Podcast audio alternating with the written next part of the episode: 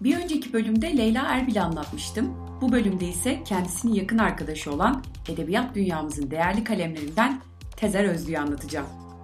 Üstelik bölümün yayınlandığı gün 18 Şubat 1986'da yaşama veda eden Tezer Özlü'nün 35. ölüm yıl dönümüne denk gelecek. Hayatı boyunca geçmişin izleriyle ve toplumun dayatmalarıyla mücadele eden Özlü, etrafındaki insanlar onu ne kadar değiştirmeye çalışırsa çalışsın değişmemiş ve bu mücadelesini edebiyatına yansıtmayı başarabilmiş bir isim. Neden edebiyat sorusuna ise yeryüzüne dayanabilmek için cevabını vermiş. Hazırsanız bu özgün ve güçlü kadını yakından tanıyarak kendisini ona yakışır şekilde analım. Tezer Özlü 10 Eylül 1943'te Kütahya'nın Simav ilçesinde dünyaya geliyor. Kitaplarında sıklıkla bahsettiği ve en sevdiği yazar olan Sezar Pavese ile aynı gün doğuyor. Anne ve babasının öğretmen olması sebebiyle çocukluğu Simav, Ödemiş ve Gerede arasında geçiyor. Üç kardeşin en küçüğü olan Tezer Özlü yazma konusunda abisi Demir Özlü'den etkileniyor.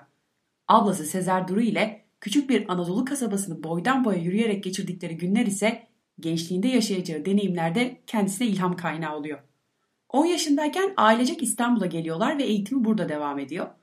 Lise eğitimine Avusturya Kız Lisesi'nde başlayan Özlü hiçbir zaman okula ait olmadığını, yaşamın yalnızca sokaklarda olduğunu düşünen ve daha o yaşlardayken bile nihilizm ve ölüm üzerine sorgulamalar yapabilen biri. 18 yaşındayken de alın bu acımasız yaşam sizin olsun şeklinde anlattığı bir intihar girişiminde bulunuyor. Lise eğitimi boyunca sevdiği yazarların eserlerini çevirilerden okumamak için çok iyi bir şekilde Almanca öğreniyor. Fakat bir türlü ısınamadığı rahibelere ve eleştirdiği eğitim sistemine daha fazla sabredemeyip okulu bırakıyor ve 1961 yılında otostopla Avrupa'yı gezmeye başlıyor. Geri döndüğünde babasının ısrarıyla İstanbul Erkek Lisesi'ne giriyor ve yarım bıraktığı lise eğitimini tamamlıyor. 1962-1963 yılları arasında Avrupa'yı gezerken Paris'te Adalet Ağaoğlu'nun kardeşi tiyatrocu ve oyun yazarı olan Güner Sümer'le tanışıyor ve 1964 yılında evlenerek Ankara'ya yerleşiyorlar. Eşi Ankara Sanat Tiyatrosu'nda çalışırken kendisi de Yeni Dergi, Yeni İnsan ve Yeni Ufuklar gibi dergilerde yazılar yazmaya başlıyor. Almanca çevirmenlik yapıyor. 1967 yılında eşinden ayrılan Tezer Özlü sonrasında tekrar İstanbul'a dönüyor. Bazı kaynaklara göre İstanbul'a döndüğünde kendisine manik depresif tanısı konuluyor.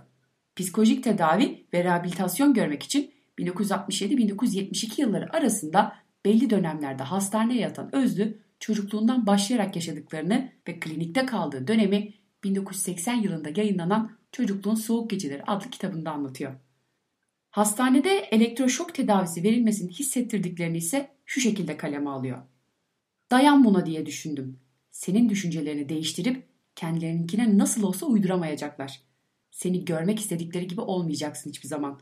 Tanımadığın sürece her acı dayanılabilir. 1968 yılında ikinci evliliğini yönetmen Erden Kral'la gerçekleştiriyor ve 5 yıl sonra Deniz adında bir kız çocuğu dünyaya getiriyor.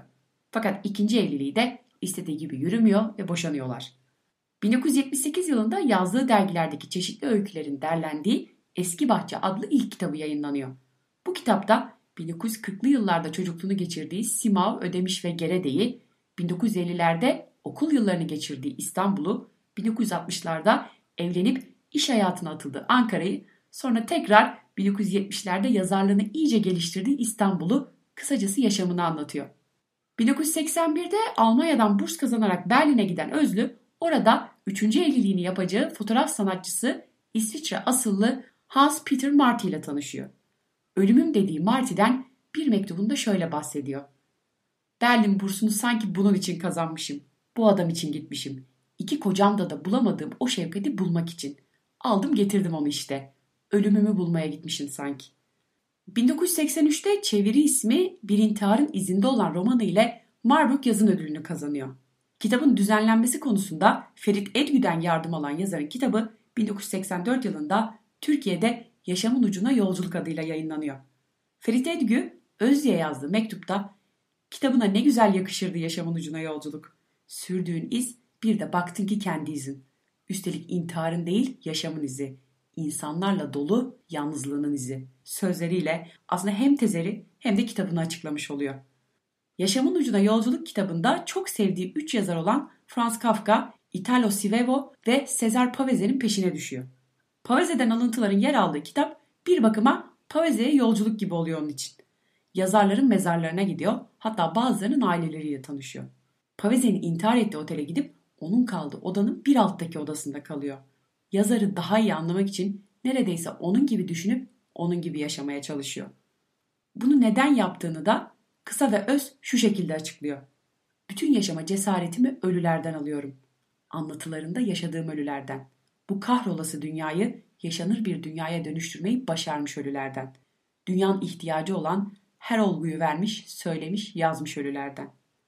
Tezer Özlü yazdığı üç kitabın ardından meme kanserine yakalanıyor.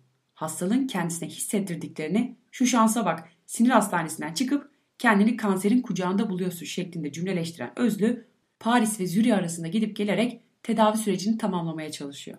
Fakat tedavisi sonuç vermiyor ve 18 Şubat 1986'da Zürih'te 42 yaşında yaşama veda ediyor. Tezer'in son sözünün ise eşi Marty'ye söylediği beni yalnız bırakma olduğu biliniyor. Ölümünün ardından farklı öykülerinin de eklendiği Eski Bahçe Eski Sevgi kitabı 1987 yılında tekrar yayınlanıyor. Notları ve öykülerinden oluşan Kalanlar adlı kitabı 1995'te, Sezer Duru tarafından düzenlenen Zaman Dışı Yaşam adlı senaryo kitabı 1998'de, dergilere yazdığı yazılardan derlenen Yeryüzüne Dayanabilmek için adlı son kitabı 2013 yılında yayınlanıyor. Kendisinin yazmış olduğu mektuplar ise Leyla Erbil'e mektuplar ve Her Şeyin Sonundayım Tezer Özlü Ferit Edgü mektuplaşmaları isimleriyle iki ayrı kitapla toplanıyor. Bir yazıda Tezer Özlü'yü kendi doğrularından asla vazgeçmeyen kadın olarak tanımlamışlar. Ben buna küçük bir ekleme yapmak istiyorum. Çünkü bence kendisi aynı zamanda bizlere doğrularımızı sorgulatan kadın. Neden böyle dediğimi sorarsanız Yaşamın Ucuna Yolculuk kitabında yer alan bir bölüm gayet net bir cevap olacaktır. Kapanışı da bu bölümle yapmanın çok şık olacağını düşünüyorum. Okuyucularının yaşam manifestosu olarak tanımladığı cümlelerde herkesin kendinden bir şeyler bulacağına eminim. Sordukları zaman bana ne iş yaptığımı, evli olup olmadığımı, kocamın ne iş yaptığını, ana babamın ne olduklarını sordukları zaman ne gibi koşullarda yaşadığımı, yanıtlarımı nasıl memnunlukla onayladıklarını yüzlerinde okuyorum. Ve hepsine haykırmak istiyorum. Onayladığınız yanıtlar yalnızca bir yüzey. Ne düzenli bir iş, ne iyi bir konut, ne sizin medeni durum dediğiniz durumsuzluk, ne de başarılı bir birey olmak ya da sayılmak benim gerçeğim değil. Bu kolay olgulara siz bu düzeni böylesine saptadığınız için ben de eriştim. Hem de hiçbir çaba harcamadan. Belki de hiç istediğim gibi çalışmadan. İstediğiniz düzeye erişmek o denli kolay ki ama insanın gerçek yeteneğini, tüm yaşamını, kanını, aklını, varoluşunu verdiği iş dünyasının olgularının sizler için hiçbir değeri yok ki.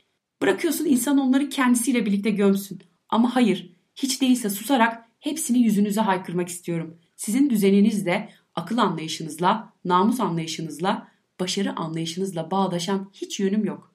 Aranızda dolaşmak için giyiniyorum, hem de iyi giyiniyorum. İyi giyinene iyi değer verdiğiniz için. İçgüdülerimi hiçbir işte uygulamama izin vermediğiniz için. Hiçbir çaba harcamadan bunları yapabiliyorum. Bir şey yapıldı sanıyorsunuz. Yaşamım boyunca içimi kemirttiniz. Evlerinizle, okullarınızla, iş yerlerinizle, özel ya da resmi kuruluşlarınızla içimi kemirttiniz. Ölmek istedim, dirilttiniz. Yazı yazmak istedim, aç kalırsın dediniz. Aç kalmayı denedim, serum verdiniz. Delirdim, kafama elektrik verdiniz.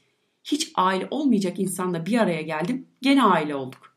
Ben bütün bunların dışındayım. Şimdi tek konu olduğum bu otelden ayrılırken hangi otobüs ya da tren istasyonuna, hangi havaalanı ya da hangi limana doğru gideceğimi bilmediğim bu sabahta iyi, başarılı, düzenli bir insandan başka her şey olduğumu duyuyorum.